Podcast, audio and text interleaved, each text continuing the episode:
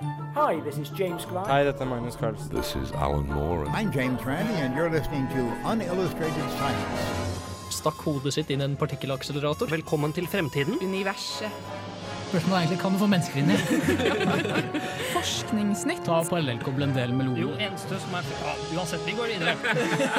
Kjekksølv. Uillustrert vitenskap.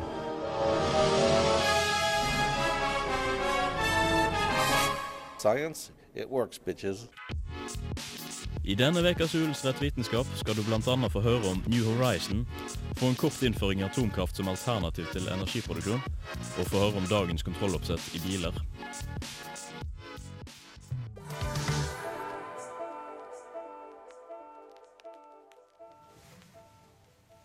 Ja, hallo og velkommen til denne ukas sending av Uillustrert vitenskap.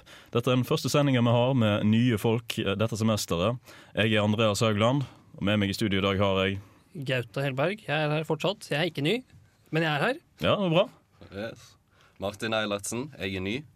Eh, Andreas Sund er også ny. Hva studerer dere? Jeg studerer kybernetikk. Jeg er på tredje året nå. Og jeg er på førsteåret mitt. eh, Jeg studerer en bachelor i kjemi. Ja, Godt. Og så har vi jo ukas fun fact, da. Den er det jeg som har krøpet i korset og funnet i dag. Eh, I forelesningen min, faktisk. da Så det er jo begrensa hvor morsomt den er. Eh, men visste dere at kuer på en måte driver husdyravl? Nei, fortell. Eh, for kua har jo flere mager. Og den spiser gress. eh, og for å fordøye dette gresset, så har den jo da bakterier i magen. Eh, så derfor er det viktig at den liksom passer på disse husdyra sine av disse bakteriene. Men ikke nok med at den passer på disse bakteriene i magen for å bryte ned gresset. Eh, Den tar også og spiser de samme bakteriene. Det er nemlig hovedkilden til protein til kua. For det er ikke så mye proteiner i gress. Nei, så sant. den spiser gress, og så fôrer den bakteriene, og så spiser den bakteriene etterpå. Altså, det er rett og slett mage, da. avler sin egen mat, rett og slett. Ja, det er, den, er, den er nesten som at vi avler ku. Så avler den bakterier. Ja. Eh, noe med første låt. ah, det er 'Man the Machets' av Det sier nei.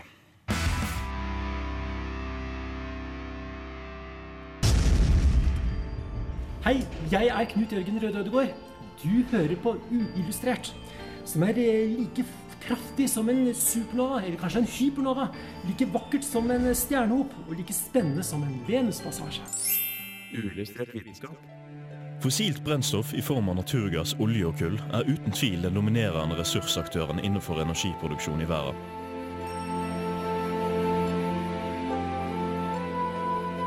Virksomheten har bidratt til positive ting som økonomisk og teknologisk vekst, samt vekst innen sosiale levekår og næring. Men også negative ting som forurensning, konflikter og ødelegging av naturområder som følge av ressursutvinning.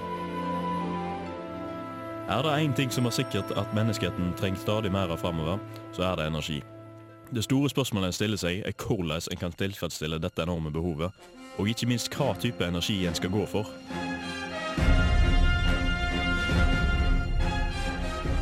I Norge er vi så heldige å ha en topografi som gir fornybar kraft i form av vannkraft en sjølfølge, og ikke minst store forekomster av fossilt brennstoff på norsk sokkel. Attpåtil har nasjonen store muligheter for utbygging innenfor vindkraft, men slike premisser er på ingen måte en sjølfølge i store deler av verden. Et viktig kriterium en stiller seg til en energikilde, er pålitelighet og evnen til å kontinuerlig levere energi. Relatert til vind, sol og vasskraft kommer ulemper som stor andel nedetid, forårsaka hovedsakelig av vær og årstider. Derfor, om vi skal se på pålitelige alternativer til energiproduksjon, uten store mengder nedetid, eller som er fossilt brennstoff, sitter vi igjen med én ting atomkraft.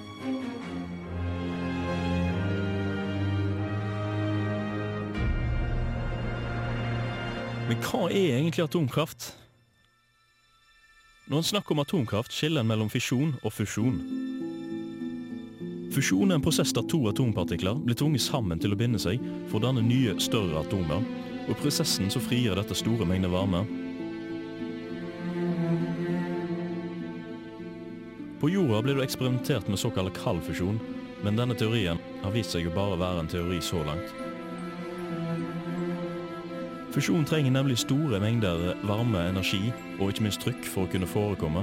Det er nettopp derfor denne prosessen kun skjer i stjernelegeme. Det som er aktuelt å snakke om i forhold til energiproduksjon på jorda, er fisjon.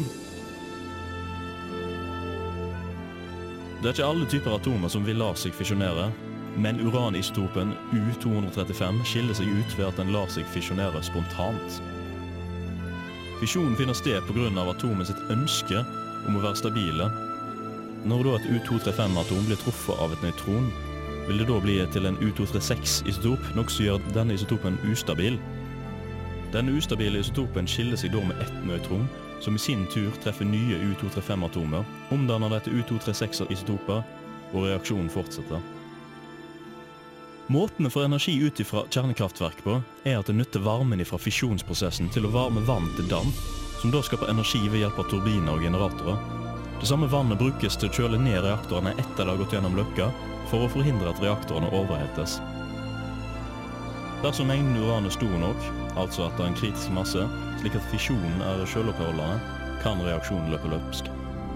For å forhindre dette brukes kontrollstraver inne i reaktorene for å absorbere noen av de frie nøytroner som flyr rundt.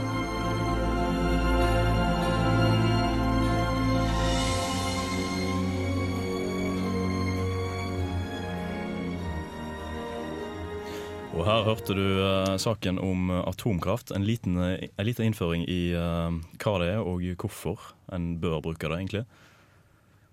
Ja, men hvordan er det med strålingsfare? strålingsfare er jo en veldig reell risiko, egentlig, i hvert fall i kjernefysiske prosesser. Men det er jo veldig viktig å huske på at en er eksponert for stråling uansett hvor en er, og ikke minst at til og med du sjøl er radioaktiv. Så sånn sett så er det jo overhypa hvor farlig det er. Um, det som er farlig, er jo mengden stråling du får, og ikke minst over hvor lang tid du blir eksponert uh, for strålinga. Er det noen sånn grense for, for, hvor mye eksponering som er lov? Altså om det er noen grenser i Norge f.eks., eller er det noen internasjonale grenser for uh, maks lovlig stråling? Ja, uh, både internasjonalt og på norsk sokkel så er det jo uh, forskjellige grenser.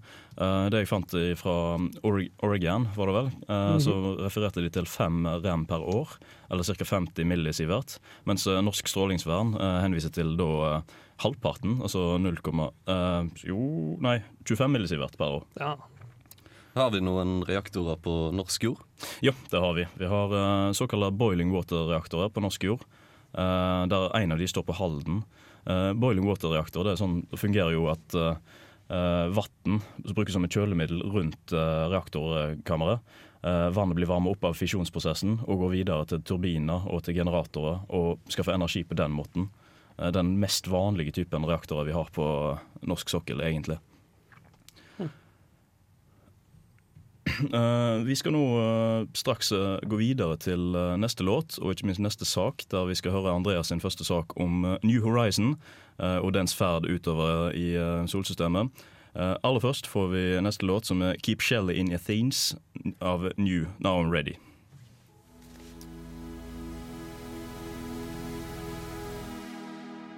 This is Alan Moore, and you're listening to Unillustrated Science. I juli 2015 kom sonde New Horizons endelig frem til Pluto etter en nesten ni år lang reise. Vi har tidligere hatt nokså begrenset kunnskap om dvergplaneten. Vi har visst at det er en kald, liten kule av nitrogenøs is med en nokså rar bane rundt sola. Utover det har vi egentlig ikke visst så forferdelig mye. Nå har Horizons passert Pluto og fortsetter dens uendelige ferd vekk fra jorda. På dens forbipassering har vi skaffet mer informasjon om dvergplaneten og dens fem måneder enn vi noen gang har hatt før.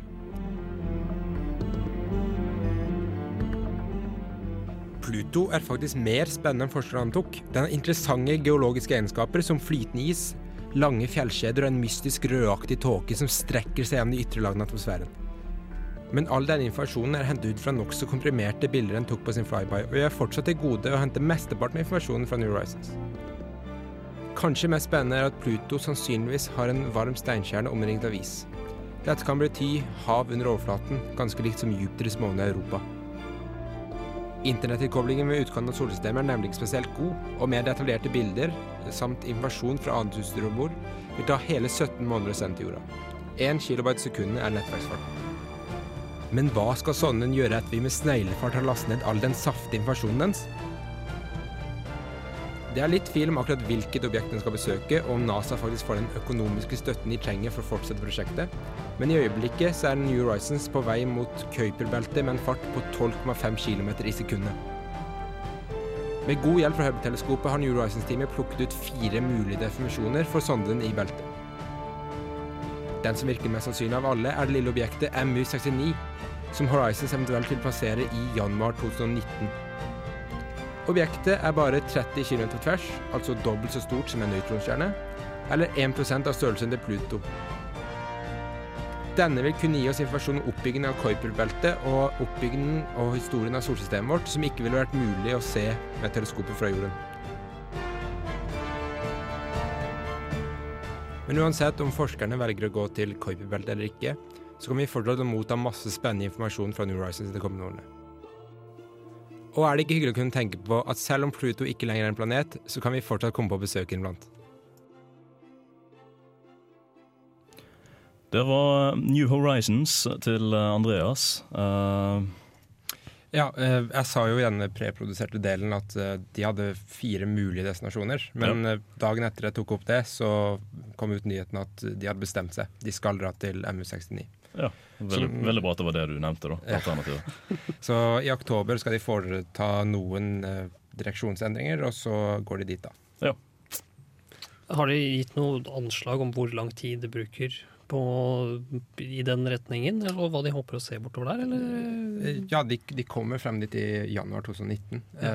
Uh, de kommer nok til å se på objekter på veien også. Mm. De kommer ikke til å ha særlig mye lys av de, eh, men de kan fortsatt liksom se om de har noe rundt, og ut fra det så kan de finne masse alt sammen. Og, men det som er spesielt, da, det er at én, dette er det første gangen vi har eh, dratt et objekt som ikke vi visste at fantes når uh, sonden ble sendt opp. Mm. Og så kommer de ikke til å se, sånn, uh, se objektet selv før 80 dager før de lander. Eller er fly forbi. Så de har ganske liten tid på å finne ut hvordan de faktisk skal komme seg dit. Hva har New Horizons funnet på Pluto?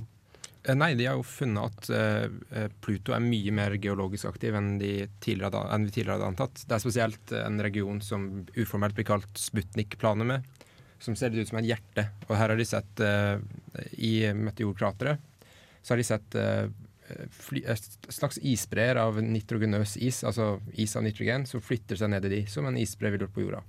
Og dette er mulig fordi vi ser at det kommer varme fra planetens indre. Og det vi også ser, det er at eh, atmosfæren på Pluto er nærme kollaps. Altså den har nærmest halvert seg på noen få år. Så vi, hvis vi hadde vært litt heldigere, da, så hadde vi sett den kanskje akkurat når atmosfæren kollapsa. Og så er det også det jeg snakka om at det finnes røde tåker som går gjennom atmosfæren. Og dette er eh, kompliserte uh, polymer av uh, metan nitrogen som blir laget av UV. Det kalles tolin, og de er, de er røde. Ja. Mm. Fins ikke på jorda. Og når, de, når, for, når, folk sa at de fant uh, organisk materiale på asteroiden Philae tidligere år, ja så var det akkurat dette stoffet. Akkurat det samme stoffet. Og det er jo mm. helt fantastisk. Det viser jo at det er til og med liv på Pluto, liksom. Ja, så ja. helt ute i iskalde enden av uh, systemet vårt. Uh, men videre skal jo New Horizon ut til um, Kuiperbeltet. Hva håper teamet på å finne der? Ja, Kuiperbeltet er jo en, en, et, et, slags veldig stort asteroidebelte som går på 20 astronomiske enheter. Astronomiske enhet er lengden fra jorda til sola. Uh, og dette er jo da rester fra perioden da universet eh, Nei, ikke universet, men da solsystemet vårt ja. ble laga. Så ved å studere objekter der, så kan vi jo studere både hvordan solsystemet kom til, og så kan det fortelle oss mer informasjon om objekter lenger inne i solsystemet. Ja. F.eks. Uh, uh, Neptuns måne Triton og Sartuns måne Phoebe uh, antar vi at kom fra beltet. Ja, så. Det er, så det bare ble trukket inn da, av, fra gravitasjonskreftene fra innenfra og så henger seg på ja, Neptun? det er sånn. Ja. Uh, og Pluto og Neptun er også en del av, uh, av uh, Kuiperbeltet. Men uh, bortsett fra når, når, Pluto er aller innerst på dens bane, og den har jo en bane på, som varierer på 20 astronomiske enheter, men aller innerst på den, dens bane så er han ca. en halv astronomisk enhet ut, på utsida av det. Ja, okay. Så det er en liten fun fact. Ja. Uh, vi skal videre til neste låt, som er Madion av Pay No Mind. Feet Passion Pit.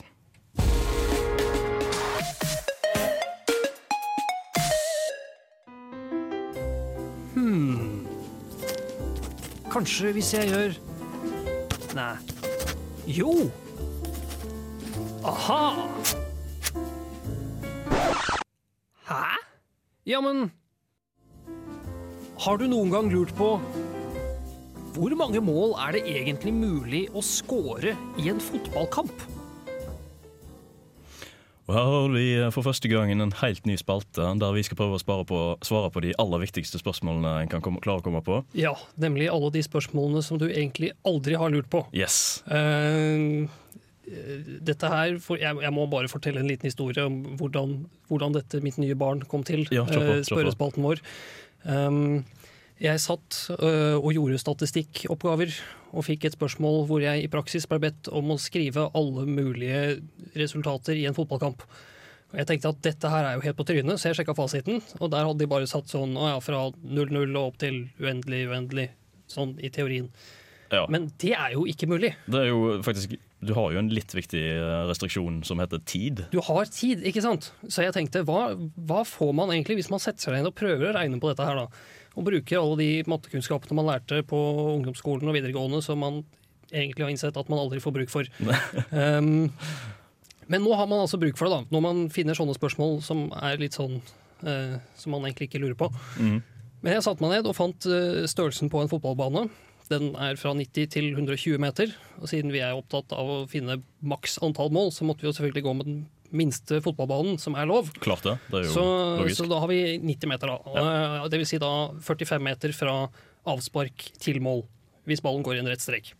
Og så driter vi i luftmotstand og sånn. Eh, Som en ekte fysiker. Som en ekte fysiker, ja. Det er sånn fysikere gjør. Nå skal vi forklare dere hvordan eh, verden er. La oss si at vi er i en parallell verden som ikke er noe som helst som vår verden. Forstår du den? Fint. Ferdig. Det det er litt sånn vi kjører på her også. Det er bra. Eh, det hardeste skuddet som noensinne er skutt, som jeg fant i hvert fall, da, var på 131 miles per hour. Som oversettes da til eh, 58,56 meter per sekund. Sånn cirka. Sånn cirka. Det er ganske raskt. Det er ganske raskt. Eh, og så har du jo 90 minutter i en fotballkamp. Eh, eller da 5400 sekunder. Um, og hvis man da slår dette her sammen, og finner ut da eh, hvor lang tid en ball som bruk, bruker på å bli skutt fra midtbanen til mål, så er det da 0,768 sekunder cirka. Eh, og det kan du jo gjennomføre ganske mange ganger på 90 minutter. Det kan du. Absolutt. Nemlig, og er du spent, antall mål som kan fysisk skåres i en fotballkamp er 7027. 46 cirka. Så den går da enda en halv gang fra Veldig viktig med disse her desimalene. Men regner du aktiv spilletid da, eller? Ja, det er da altså du antar at all tid blir brukt i hele kampen, fra avspark til mål. Uh, og at tida starter idet han sparker ballen. Eh, jeg vet ikke helt hvordan du skal klare å få tatt et avspark liksom, på, på den måten, for du skal vel helst ikke gå over på andre, den andre banehalvdelen når du har avspark. Nei, Så hvordan det går med tilløp og sånn, er jeg litt usikker på. Men det er ikke så Det viktig. er, altså, det er bare detaljer. Det er ikke viktig i det hele tatt. Nei. Nå skal vi ut på neste låt, som er 'Fire on the Mountain'. eh, og etterpå det får vi en sak av Martin som handler om hvordan eh, dagens kontrolloppsett i biler er.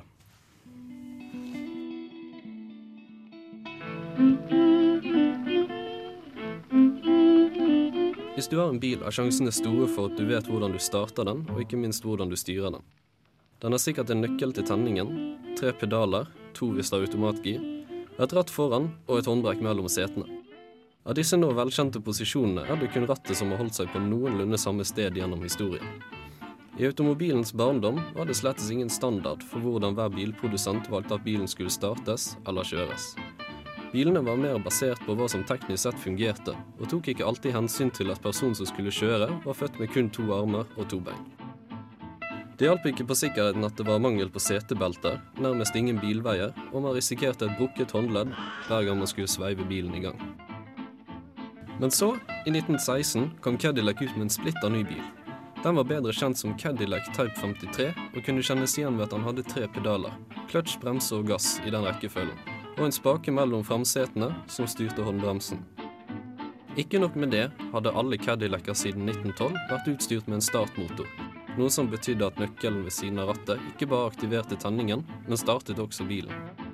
Selv om Type 53 aldri ble veldig populær, hadde den satt spor etter seg, og i 1922 kom bilmerket Austin ut med bilen Austin 7, med samme kontrolloppsett som Cadillac, minus startmotor. Austin sin bil, som de reklamerte med at var billig nok for folk flest, og at dette var en bil selv damer ville elske å kjøre, solgte mye bedre enn Cadillacen, og hele 290 000 av dem ble produsert mellom 1922 og 1939. Men dette var standarden satt, og åpnet veien for at de med kun to armer og to bein endelig kunne kjøre en bil uten å måtte bruke ansiktet i en bakkestart.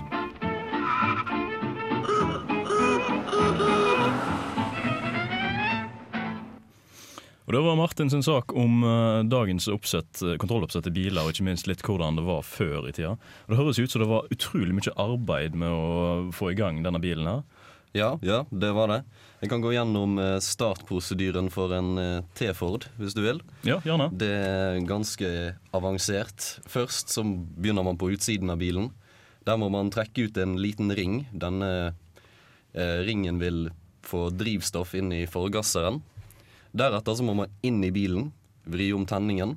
Så må man ut igjen av bilen. Eller vent først. Eh, vri om tenningen, så må man trekke i håndbrekket. Dette setter også bilen i nøytral. Så går man ut igjen av bilen, går foran på bilen, og så eh, eh, vrir man på startsveiven. Da var det viktig at man brukte venstrearmen, fordi det var en sjanse for at den ville slå tilbake. Og den slo tilbake mot klokken, så hvis man holdt med høyre, så kunne man henge igjen, og da kan man i verste fall knekke armen. Med andre ord så var du nesten nødt til å ha en liten utdanning for å kunne starte bilen. Ja, egentlig. Og så var det Så gikk man inn igjen i bilen. Da hadde man eh, da hadde man eh, gass på siden av rattet, der vi har i dag eh, enten vindusvisker eller, eller blinklys. Racerbilstil, skulle jeg si. Ja, på en måte. Bare der har du giren i stedet for på Ja, klaffer. Ja, det er tre pedaler, sånn som i dag. Men istedenfor så var det sånn at eh, pedalen til venstre styrte gir. Pedalen til høyre var bremsen. Og pedalen i midten satt bilen i revers. Og dette var jo da forskjellig for alle, ja, alle biltyper på den tiden. Så kunne du kjøre en T-Ford, så betydde ikke det, det at du kunne kjøre noen annen bil. Syns det er vanskelig nok med clutch, jeg. Ja, sant. Nei, det er vanskelig. Herregud, er du amerikaner, eller? Uh, men altså, har denne standarden har den endra seg noe i nyere tid? for å si sånn? Altså, Vi har jo fått en standard på alt sammen, og heldigvis. Takk Gud for det. Ja. Uh, Det er noen endringer. Uh, Det begynner å bli mye mer elektronisk i dag. Eh, Håndbrekket er jo på vei ut noen steder.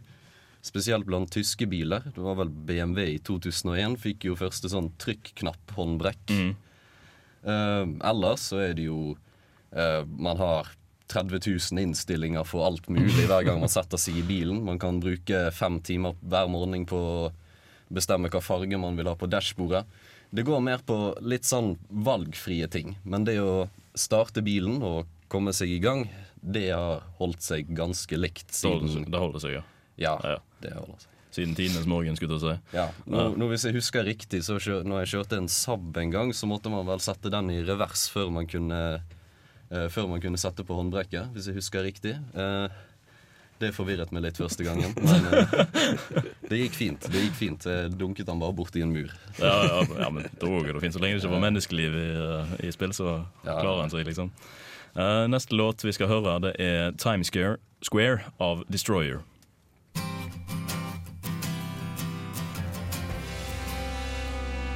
Science isn't about why, it's about why not. Why is so much of our science dangerous? Why not marry safe science if you love it so much?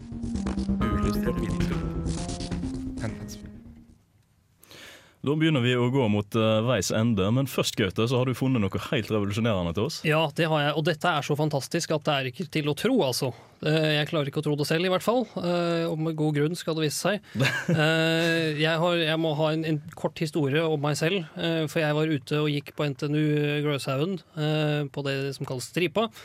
Eh, av den ene grunn at der har, det, har de nesten alltid gratis kaffe. At det står folk på stand og sånn og deler ut, eh, eller prøver å få folk til å rekruttere dem. da, Og så har de kaffe, og så er det veldig mange som bare går og henter kaffe, og så går igjen. Går videre. Jeg er en sånn. Ja, Eh, men så var det, gløsing. altså, ja, det var noen som kom Det sto en fin stand her, masse sånne fine plakater og sånn, og jeg tenkte dette her ser jo bra ut, men så hadde de ikke kaffe. Og da ble jeg egentlig litt skuffa, så jeg tok med meg et ark og gikk igjen. Men det er en av dere andre her som har smakt på dette her de og delte ut, har ikke det, Martin? Jo, jo, jo. Det var den uh, gule boksen, sant? Ja, Jerba mate, eller noe Ja. sånt. Jeg vet ikke om det er sånn man uttaler det. Men Ja, nei, jeg er ikke sikker sjøl. det, det var visst noe Noe lignende koffein i det, da, kan man si. Uh, det smakte ganske godt. Eh, det var ikke noe jeg, jeg følte meg ikke spesielt frisk resten av dagen, kan man si. Men eh, det, det, det var nok eh, utenforstående. Jeg var allerede syk den dagen. Men uh, den gjorde meg ikke frisk. Nei, ikke Eh, det, nei. Nei, men den besto visst av diverse eh, ting fra regnskogen, og det er jo sikkert flott, antar jeg. Ja, ja, ja. Det var nå i hvert fall det de sa, at det er flott. så. Naturmedisin er flotte Ja, greier. jeg har undersøkt litt, nemlig, og dette er en tradisjonell drikk fra Sør-Amerika, da, eh, som er et slags te, som ikke er grønn te, og det er ikke svart te, og det er, jeg vet ikke om de kaller det te engang, for det er, så, det er så bra, nemlig, at det, det, er, det er mate, jerba mate. Paven drikker det jo til og med i denne artikkelen jeg har funnet. Oh, ja, Det er Men bare i artikkelen, sant? Eh, I hvert fall på bildet i artikkelen. Ok. Men, eh, men jeg gikk inn og begynte å lese på, på nettsida deres da, og tenkte at her, dette er jo eh, litt sketchy, tenkte jeg. For det, jo, det gjør jo alt mulig rart. Det er jo bra for immunforsvar og blod og alt mulig rart. Søvn, ja, og så blir du oppkvikt av greier samtidig. Eh, men på, på nettsida da, så står det at det er, det er ikke så mye koffein i det. Derimot så er det noe som kalles for matein, eller der omkring. Og her så står det direkte sitert Some researchers feel that the stimulating compound in yerba mate does differ from caffeine. Vitenskapelig bevist ved They følelser. feel it. Hvor er det følelsene kommer inn i liksom ja. Det er, følelser er veldig viktig innen vitenskap. Fordi at det er sånn at Du ser på noe som ligner på te, og så bare kan du føle at det er ikke koffein i det. Det er noe annet. Hypoteses og følelser. Også. Ja, ja, ja, ja, ja. Det er veldig viktig. Altså, jeg, kan jo, jeg kan jo lese et par ting i denne artikkelen som de delte ut, da, som jeg stusser litt på. Eh, Det står bl.a. at den styrker immunforsvaret og beskytter kroppen mot sykdom. Ja. Og Da har jeg et stort spørsmål. Hva er det som er forskjellen mellom å styrke immunforsvaret og beskytte kroppen mot sykdom?